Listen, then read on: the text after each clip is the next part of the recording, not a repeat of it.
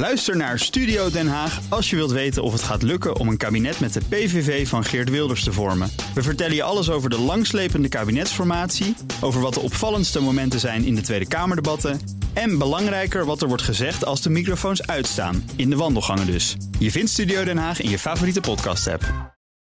BNR Beurs wordt mede mogelijk gemaakt door Bridge Fund. Make money smile.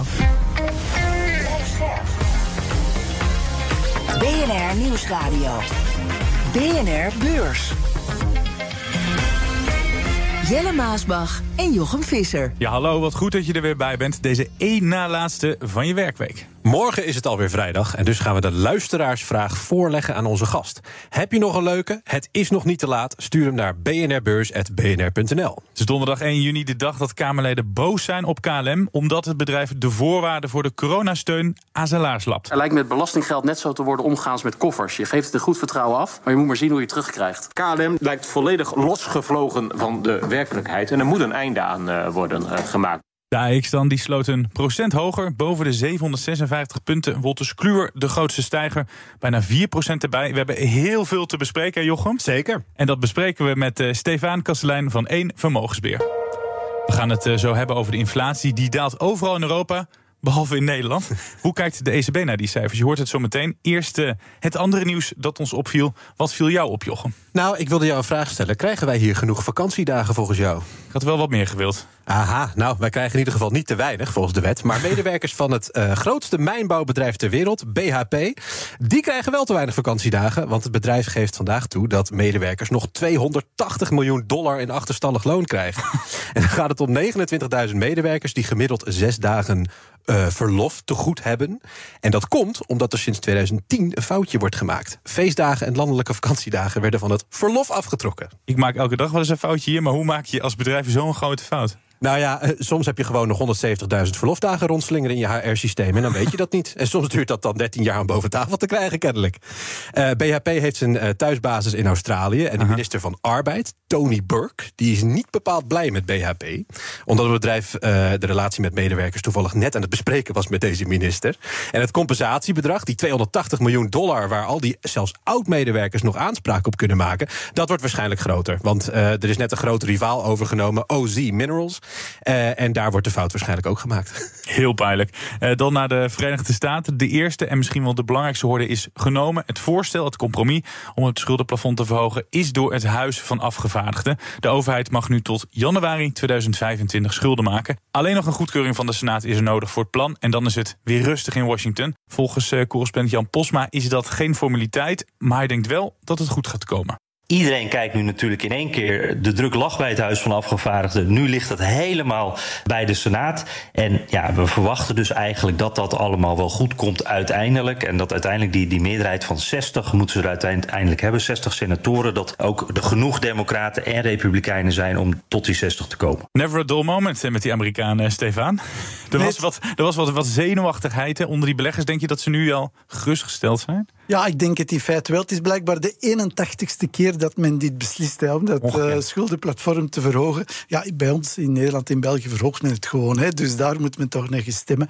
Ja, ik denk dat er toch niemand echt geloofd heeft dat men dit zou laten mislopen. Hè. Dat denk ik niet. Dus dat heeft niet echt gewogen op de markt. Ja. Zeg Jelle, ben jij wel eens buitengesloten bij een persconferentie? Uh, nee, bij de KNVB hebben ze wel eens moeilijk gedaan. Want toen zagen ze dat ik de cameraman was. Want ze geloofden niet dat ik de verslaggever was. Vanwege mijn babyface. Oké, okay. nou je bent een goed gezelschap. Want uh, journalisten van Reuters, Bloomberg en de Wall Street Journal... hebben geen uitnodiging gekregen voor de productiebespreking van OPEC dit weekend in Wenen. Daar wordt, moet er vastgesteld hoeveel olie er wordt geproduceerd dit jaar. En dus moet er zondag ook met Rusland worden gepraat. En dan worden de twee belangrijkste persbureaus en de Wall Street Journal buitengesloten. Een reden wordt niet genoemd. De uitnodiging wordt gewoon niet verstuurd. Maar de Financial Times die, uh, duikelde alvast op dat het waarschijnlijk ligt aan de energieminister van Saoedi-Arabië. Dat is prins Abdulaziz bin Salman, halfbroer van de kroonprins. En hij leidt OPEC en OPEC Plus ook heel erg in die productiestop die net is afgekondigd. Hè? En hij staat onder flinke druk om de olieprijs te verhogen. Het gaat niet hard genoeg. En hij praat soms flink agressief richting degene die wedden op een lagere prijs. En het mooie is. De Financial Times heeft wel een uitnodiging gekregen. En die schrijven dus dan smakelijk op. Ja, nieuwsorganisaties voeren een wedstrijdje. Je wilt toch als eerste het resultaat van zo'n OPEC-vergadering de wereld inslingeren. En ik kan uh, zeggen, dat gaat best hard. Want soms worden ministers van Energie in Wenen letterlijk door de straten achtervolgd door reporters in de. We hebben het straks nog even verder over het overleg van de OPEC. Oké, okay, en uh, sorry alvast, want is hij weer. Elon Musk alarm. Elon Musk, is niet alleen vaak in BNR Beurs. Hij is ook weer de rijkste. Gefeliciteerd namens ons allemaal. Hij is de rijkste man van de wereld. Wel te verstaan, hij is nu goed voor 192 miljard dollar. Daarmee stoot hij Bernard Arnault van de troon. De topman van LVMH. Die moet het doen met uh, iets minder dan 190 miljard. De aandeelhouders van Exxon en Chevron hebben helemaal geen trek in de klimaatplannen van de oliereuzen. 90% wil niet dat de uitstoot wordt verminderd. En dan is de vraag, hebben aandeelhouders nogal trek in duurzaamheid? Maar we beginnen met de inflatie. Slecht nieuws voor ons land, want ja, we dachten dat we er vanaf waren. Maar nee hoor, de prijzen blijven maar stijgen. De inflatie klimt omhoog. In de maand mei is die inflatie opnieuw opgelopen, meldt het Centraal Bureau voor de Statistiek in een eerste raming. Opgelopen dus in ons land, maar in de rest van Europa daalt die. De inflatie in de eurozone is in mei gedaald naar het laagste pijl in meer dan een jaar, al is het nog wel te hoog. Ja, Stefan, is het glas half vol of half leeg? Dus ben je blij met die gedaalde inflatie of ben je teleurgesteld omdat die nog altijd te hoog is? Ik ben wel blij met de gedaalde inflatie. Het is niet alleen de inflatie, de headline zogezegd, die gedaald is naar 6,1 procent. Mm -hmm. Maar vooral ook de core, dat wil zeggen zonder voeding en energie, is gedaald tot 5,3. Was 5,5 verwacht, is natuurlijk nog meer dan de 2 procent die men nastreeft. Ja. Maar de trend is toch wel heel duidelijk. En zoals gezegd, vooral de start van de inflatie is toch wel wat die energie geweest. De hoogste koers van uh, gas was in augustus vorig jaar. Dus als we dit jaar augustus gaan zijn, gaan we toch een enorm effect zien van lagere energieprijzen. Dus die inflatie gaat nog wel lager. Of we net op die twee gaan uitkomen, is wat moeilijk te voorspellen. Maar we gaan toch wel hard die richting uit hoor. Ja, en daalt die sneller dan jij had gehoopt?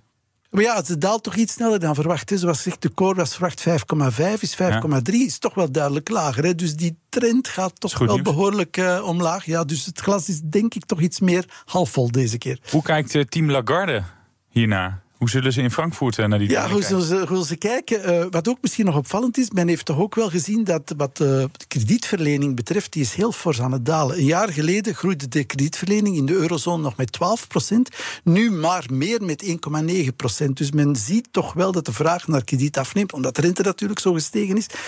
Dus mij, ik zou vermoeden dat ze langzamerhand zitten te denken van moeten we die rente nog wel echt verder verhogen. Hè? Dus uh, ja, het zou mijn aanvoelen zijn, op basis van die kredietcijfers. Hè. Dat ze dus... Niet, ja, niet meer verder verhogen. Er wordt algemeen verwacht in juni gaan ze nog eens ja. een kwartje verhogen. Ja, ik denk dat ze misschien toch eens aan het denken oh, zijn. Ja, de kredietverlening valt al zo fors terug. De core-inflatie is lager dan verwacht. Ja. Het is opvallend als je er zo vanuit gaat. Ja, het over een reis, een, een bestemming waar, ze, uh, waar de ECB nog niet was. Ja, kijk, mij zou lijken. Er is trouwens een, een, de, een Frans lid van de ECB die vandaag gesproken heeft in Toulouse. En die heeft die idee wel al een beetje gegeven. Dus ik denk dat het zuidelijk gedeelte van de eurozone toch begint Aha. te denken: van het is misschien wel voldoende geweest met die rentestijging. Oké, okay, dat was de inflatie. Jij zei net wat interessants over de OPEC. Ik wil er inderdaad nog even naar de OPEC. Want de olieproducerende landen komen dus dit weekend bijeen in Wenen. En wij bespraken het net al. De energieminister van Saoedi-Arabië staat flink onder druk om prijzen te verhogen. Hij leidde OPEC ook naar die recente productiestop. Uh, wat denk jij dat ze gaan beslissen? Ja, ik denk dat zij inderdaad, zoals iedereen weet, zo die ho zo hoog mogelijke olieprijs uh, willen hebben. En de Amerikanen hebben nu wel een beetje een pad in de korf gezet door die strategische reserves af te bouwen. Mm. Hè. Dus dat, daar zijn ze wel een beetje boos voor. Hè. Dus ik denk wel dat men daar ja, een beetje wraak op wil nemen. Dus inderdaad eerder de productie verlagen. Maar wat toch wel blijkt, Rusland blijft eigenlijk volop uh, olie oppompen. Ze hadden wel gezegd dat ze het niet gingen doen, maar volgens de cijfers blijft Rusland dat toch wel doen. Dus ja, ik denk dat ze toch een hartig woordje gaan spreken daar onder elkaar, lijkt me wel. Nou ja, zondag wordt er ook met Rusland gepraat. Uh, welke landen willen mee met de productiestop en welke landen niet? Is daar een beetje een beeld of een gevoel van aan te geven? Ja, ik denk wel dat dus Saudi-Arabië en de Verenigde Arabische Emiraten, die wil denk ik wel echt uh, lagere productie, maar de andere leden, ja, dat weet ik niet. Zoals gezegd, Rusland speelt denk ik uh, toch wel een beetje onder, onder, de, onder de hoed, hè, van men zogezegd minder olie verkopen, maar de facto toch wel meer verkopen, omdat ze dat geld ook nodig hebben, uiteraard, voor, Ja. hun, voor hun oorlogskast te spijzen. Dus eh, ja, het gaat misschien toch eh, spannend worden. Dus, dus OPEC Plus staat enigszins tegenover OPEC. Dat is eigenlijk wat jij zegt, want Rusland Ja, ja, zit dan bij OPEC Plus. ja, inderdaad. Eh, het, het probleem is alleen, met die spierballentaal van Saoedi-Arabië... ga je als handelaar natuurlijk anticiperen. Dan hoop je op de, op de 80 dollar per vat, 90 dollar per vat enzovoort. Is het grote gevaar dan niet dat, dat de olieprijs direct daalt... als het Saoedi-Arabië niet lukt om, om weer een, een harde stop af te kondigen? Ja, ik denk dat je toch rekening moet houden dat de olieprijs fors zou kunnen dalen. En dat heeft ook inderdaad te maken met Rusland, want die verkopen die olie wel veel lagere prijzen. Dus er is op de wereldmarkt olie veel goedkoper beschikbaar dan wat officiële prijzen, namelijk die uit Rusland. De Russen verkopen onder de prijzen. Ja, het zou kunnen hoor. het zou kunnen. Ik denk het niet graag gaan horen, maar het zou kunnen. Denk Nou, dan is maar één vraag de hamvraag. Het gaat nogal goed met de grote olieaandelen, geen wonder. Maar zie jij dat ook doorzetten in de rest van het jaar op deze vergadering gebaseerd? Ja, ik, ik denk wel dat het aanbod toch wel eh, sterker zal zijn dan sommigen denken. Ja. BNR Beurs. Dan Amerika, naar Wall Street. Kijk hoe de handel daar verloopt. Nou, daar eh, ziet de handel er goed uit. De Dow Jones staat 0,6% hoger. De S&P 500 wint 0,9%. De Nasdaq zelfs 1,2% erbij. Heeft dat te maken met dat schuldenplafond? Ja, dat Je hebt zal ze niet allemaal gesproken ja, natuurlijk, ja, die het, zal, het, zal wel, het zal wel een element zijn dat, toch, ja, dat, men toch zegt... ja, het is nu toch gestemd hè, in, in het Huis van Afgevaardigden. Maar misschien ook wel, er waren vandaag wel cijfers van de werkgelegenheid in de VS. Hè, Mhm. Die waren beter dan verwacht. Er zijn 278.000 jobs bijgekomen. Er waren er maar 180.000 eh, verwacht. Dus ja, die, die recessie die velen vreesden, die wil dan toch maar niet komen. Dus daar zal toch ook wel een zekere vorm van, eh, van opluchting eh, rond zijn. Hè. Eh, en anderzijds, ja, als de Nasdaq het goed doet, en Nvidia is vandaag ook weer hoger, die, die hele eh, artificiële intelligentie, sommigen zeggen hype, maar het is waarschijnlijk trend, eh, is toch nog altijd wel eh, heel, heel sterk. Hè? Dus dat komt toch Ja, vaak toch minder dan, een, dan 1000 miljard nu nog, hè? Zie ik staan. Welke andere aandelen vallen jou op, uh, Jochen? Nou, uh, allereerst Macy's, want we hebben het over die recessie. En daar horen natuurlijk consumenten bij. En Macy's is een grote warenhuisketen. Uh, de, de, die kwam uh, met zijn kwartaalcijfers vandaag. En die zagen er op zich goed uit. Meer winst dan waarop was gerekend. Maar het bedrijf wordt wel afgestraft op de vooruitblik. Want dan komt er een omzet- en winstwaarschuwing. Er gaat een miljard van de verwachte omzet af. En dat zorgt ervoor dat aandeel naar beneden gaat. Dat was te, althans vandaag zo. En dat is nu nog maar een half procent zo. maar ik kan u verzekeren, beste luisteraar, dat in de afgelopen vijf dagen er 10 procent vanaf is gegaan. um, en dat ondanks een beter dan verwachte winst dus. Uh, Macy's waarschuwt ook dat consumenten in de VS minder uitgeven. En dat ze ook geen verbetering verwachten in de rest van het jaar. Nou, beter gaat het met die andere luxe warenhuisketen, Nordstrom. Uh, dat is dan ook 2,9 procent in de plus vandaag. Uh, ook daar geven consumenten minder uit. Maar het bedrijf kon door wat slim inventarismanagement en door meer rijke kopers toch een plusje noteren. Kijk, uh, wat mij opvalt bij de stijgers en dalers op Wall Street, uh, AI-bedrijf C3 AI. Bedrijf uh, waar Wesley het van de week ook al eerder over had. Dat ging gigantisch omhoog op de beurs vanwege die AI-hype. Maar uiteindelijk gaat het natuurlijk allemaal om de cijfers en de verwachtingen. De kwartaalcijfers van het bedrijf, die waren wel beter dan verwacht. Maar die vooruitzichten die waren totaal niet zo goed als waarop was gerekend. Koers 15% naar beneden. Dus dat gaat even wat minder. BNR Beurs. De aandeelhouders van ExxonMobil en Chevron, twee Amerikaanse oliereuzen, zitten totaal niet te wachten op de klimaatplannen van de directie. Ze zijn met een vernietigende meerderheid weggestemd. Bij Exxon gaat het om 89% van de aandeelhouders die nee zeiden. Bij Chevron gaat het om zelfs meer dan 90%. Onbegrijpelijk, zegt Mark van Baal tegen BNR. Hij is van Follow This. Die beleggers die allemaal zeggen dat ze het prijsakkoord willen halen, dat ze die twee uh, slechtste jongetjes van de klas, uh, Chevron en Exxon, uh, dat ze daar eigenlijk gewoon tegen zeggen: ga maar lekker door met uh, nog meer olie en gas uit de grond halen en, en nog meer CO2 in de lucht pompen. Vooral onbegrijpelijk dat ze deze kans niet hebben gegrepen om die bedrijven aan te sporen. De aandeelhouders eh, denken volgens hem helemaal verkeerd. Ja, ze denken allemaal dat ze moeten kiezen tussen winst en klimaat. En dat is eigenlijk een vals dilemma dat de olieindustrie in de wereld heeft geholpen. Ja, denken die Amerikaanse aandeelhouders van die Amerikaanse oliereuzen inderdaad te veel aan geld? Kijk, ik denk dat er een heel groot tweespalt is. Voor de meeste bedrijven is, en voor de meeste beleggers is ESG heel belangrijk, omdat men inderdaad gelooft dat voor bedrijven om op lange termijn succesvol te zijn, dat je moet aanpassen aan de nieuwe energie- en governance-vormen. Maar wat is er nu gebeurd? Een aantal beleggers zeggen, ja, wij beleggen sowieso niet in oliewaarde, want dat is niet ESG. En dan blijven natuurlijk die beleggers die daar minder aandacht voor hebben, die blijven dan over in die, in die oliemaatschappij. En die hebben daar dan minder aandacht voor. Dus ik denk dat dat tweespalt eigenlijk wat te groot geworden is. En dat misschien, ja, dat men inderdaad moet aanvaarden, de energietransitie zal nog heel lang duren, hè, laten we eerlijk zijn. En dat misschien meer een concept van best in class zou moeten werken, waarbij ook ESG-beleggers toch nog wel in oliemaatschappijen gaan beleggen, maar dan die kiezen, die, die het meest inzetten, toch op de transitie, die best in class heten, en daar dan mee gaan stemmen. Hè, want nu zijn ze geen aandeelhouder meer en kunnen ze ook niet mee stemmen. We hebben natuurlijk een groot uh, Nederlands pensioenfonds gehad die uitstapte. Die zei we gaan niet in Shell, want het is niet uh, duurzaam genoeg, past niet meer in onze doelstellingen. Maar jij zegt eigenlijk moeten die mensen wel terug ja. om wat te bewerkstelligen. Anders ja, eigenlijk zouden ze aandeelhouder moeten blijven en, en druk zetten. Of in ieder geval kiezen welke oliemaatschappij misschien het meeste moeite doen, best in klas en daar wel blijven investeren. En dan wel juist stemmen om die richting uit te gaan. Hè. Ja, tweespalt is denk ik iets te groot geworden. De verschillen tussen Amerikaanse en Europese aandeelhouders die worden wel goed duidelijk. Want bij BP en Shell hier in Europa is meer bijval. Al gaat het bij Shell nog steeds om maar 20% van de aandeelhouders die die klimaatplannen steunen. Maar wat zegt dat over Europese beleggers? Ja, het geeft waarschijnlijk wel weer dat wij er meer aandacht voor hebben algemeen. Hè. Dus in Amerika is men toch nog altijd die cultuur van de pick-up trucks en zo. Dat, bestaat toch nog altijd van mensen die, daar, die daar minder mee bezighouden. Hè. Maar ja, de tweespalt, in heel veel punten zie je het, de tweespalt wordt misschien wel een beetje te groot. Hè. Dus ik denk dat eigenlijk, we zouden inderdaad het best-in-class concept, dat is eigenlijk heel belangrijk. Om ook in moeilijkere sectoren toch wel te investeren en dan die, die steun te geven. Hè. Hoe kijken jullie hier als vermogensbeheerder naar? Zeggen jullie, die, die, klimaatplannen die moeten er wel doorheen? Of zijn jullie het wel eens eigenlijk met dat uh, chagrijn onder die aandeelhouders? Nee, nee, wij gaan wel mee. Wij geloven wel dat ESG inderdaad heel belangrijk is en dat we die klimaatdoelstellingen moeten hebben. Maar uh, ja, wij hebben bijvoorbeeld wel een, een oliemaatschappij in, in, in portefeuille, dat is Equinor, dat is een Noorse olie- en gasmaatschappij, omdat die toch effectief heel veel moeite doen om, de, om die beweging te doen naar uh, alternatieve energie. Maar natuurlijk, in praktijk is het nog altijd meer uh, olie en gas dat ze produceren, maar ze wil die overstap wel maken. Dus wij geloven meer in die best of class, de betere zoeken. En niet absoluut tweespalt, je doet het of je doet het niet. Hè. Ja, en Mark van Gaal zei ook, uiteindelijk valt er echt wel geld te verdienen. Ook als je in die oliebedrijven zet, uh, zit, als je meer inzet op, uh, op klimaat.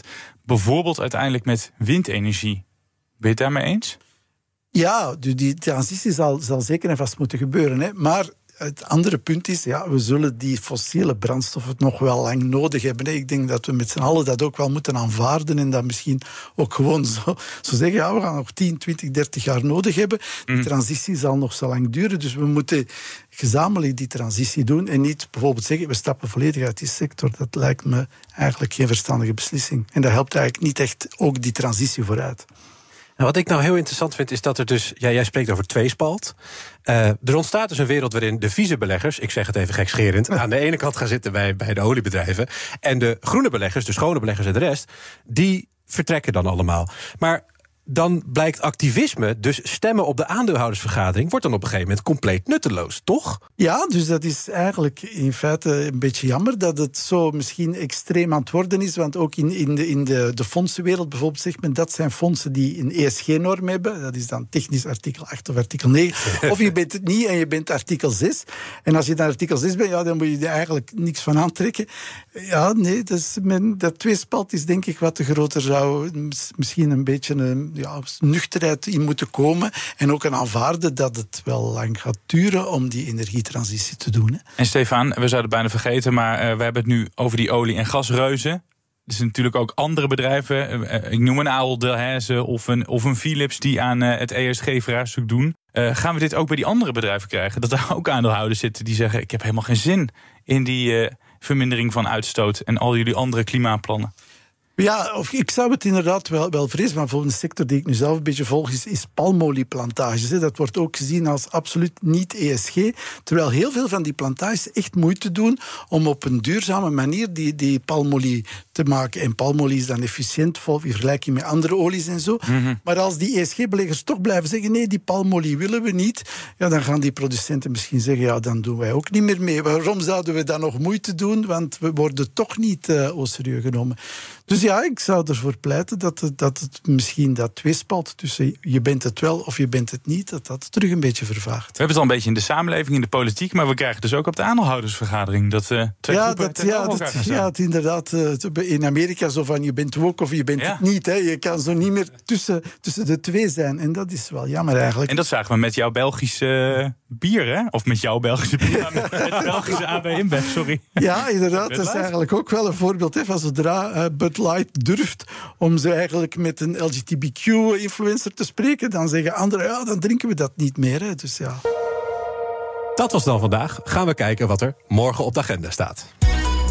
Vandaag is de agenda nagenoeg leeg. Maar noem het niet komkommertijd. Alle ogen zijn vandaag gericht op het Amerikaanse banenrapport dat om half drie op de mat valt. De Federal Reserve gebruikt dit rapport als belangrijke leidraad. Is 5,25% beleidsrente genoeg om de economie af te remmen of ronkt de inflatie toch nog even lekker door? Dan naar Europa. Ondanks de dalende inflatie in Europa ziet de ECB genoeg reden om de rente te blijven verhogen, zegt Christine Lagarde. En dat treft, want voor de lunch komt Eurostat met cijfers over de Europese industrie. En dan kan je zien of jij het eens bent met de baas van de Europese Centrale Bank. Veel plezier met de banencijfers vanmiddag. Stefan, nog even heel kort. Waar ga je morgen op letten? Morgen gaan we verder kijken of die, die inflatiecijfers ja, positief worden onthaald verder. Hè. Ja, dat is het belangrijkste, denk ik. Banencijfers uit de VS misschien ook wel. En dan, uh... Ja, dus, ja de, eigenlijk de officiële werkloosheidscijfers. En dan zijn we er weer. De week voorbij. Ja, hey, dankjewel dat jij hier net op de valreep van de week was. Stefan Kastelein van Eén Vermogensbeheer. Jij bedankt voor het luisteren. En uh, Jochem en ik zeggen dan tot morgen. Tot morgen. BNR Beurs wordt mede mogelijk gemaakt door Bridge Fund. Make money smile. Ook Hugo Reitsma vind je in de BNR-app. Superhandig die BNR-app. Je kunt alle programma's live luisteren, breaking nieuwsmeldingen. Je blijft op de hoogte van het laatste zakelijke nieuws. En je vindt er alle BNR-podcasts, waaronder natuurlijk de belangrijkste, Boeken zijn in de wijk. Download nu de gratis BNR-app en blijf scherp.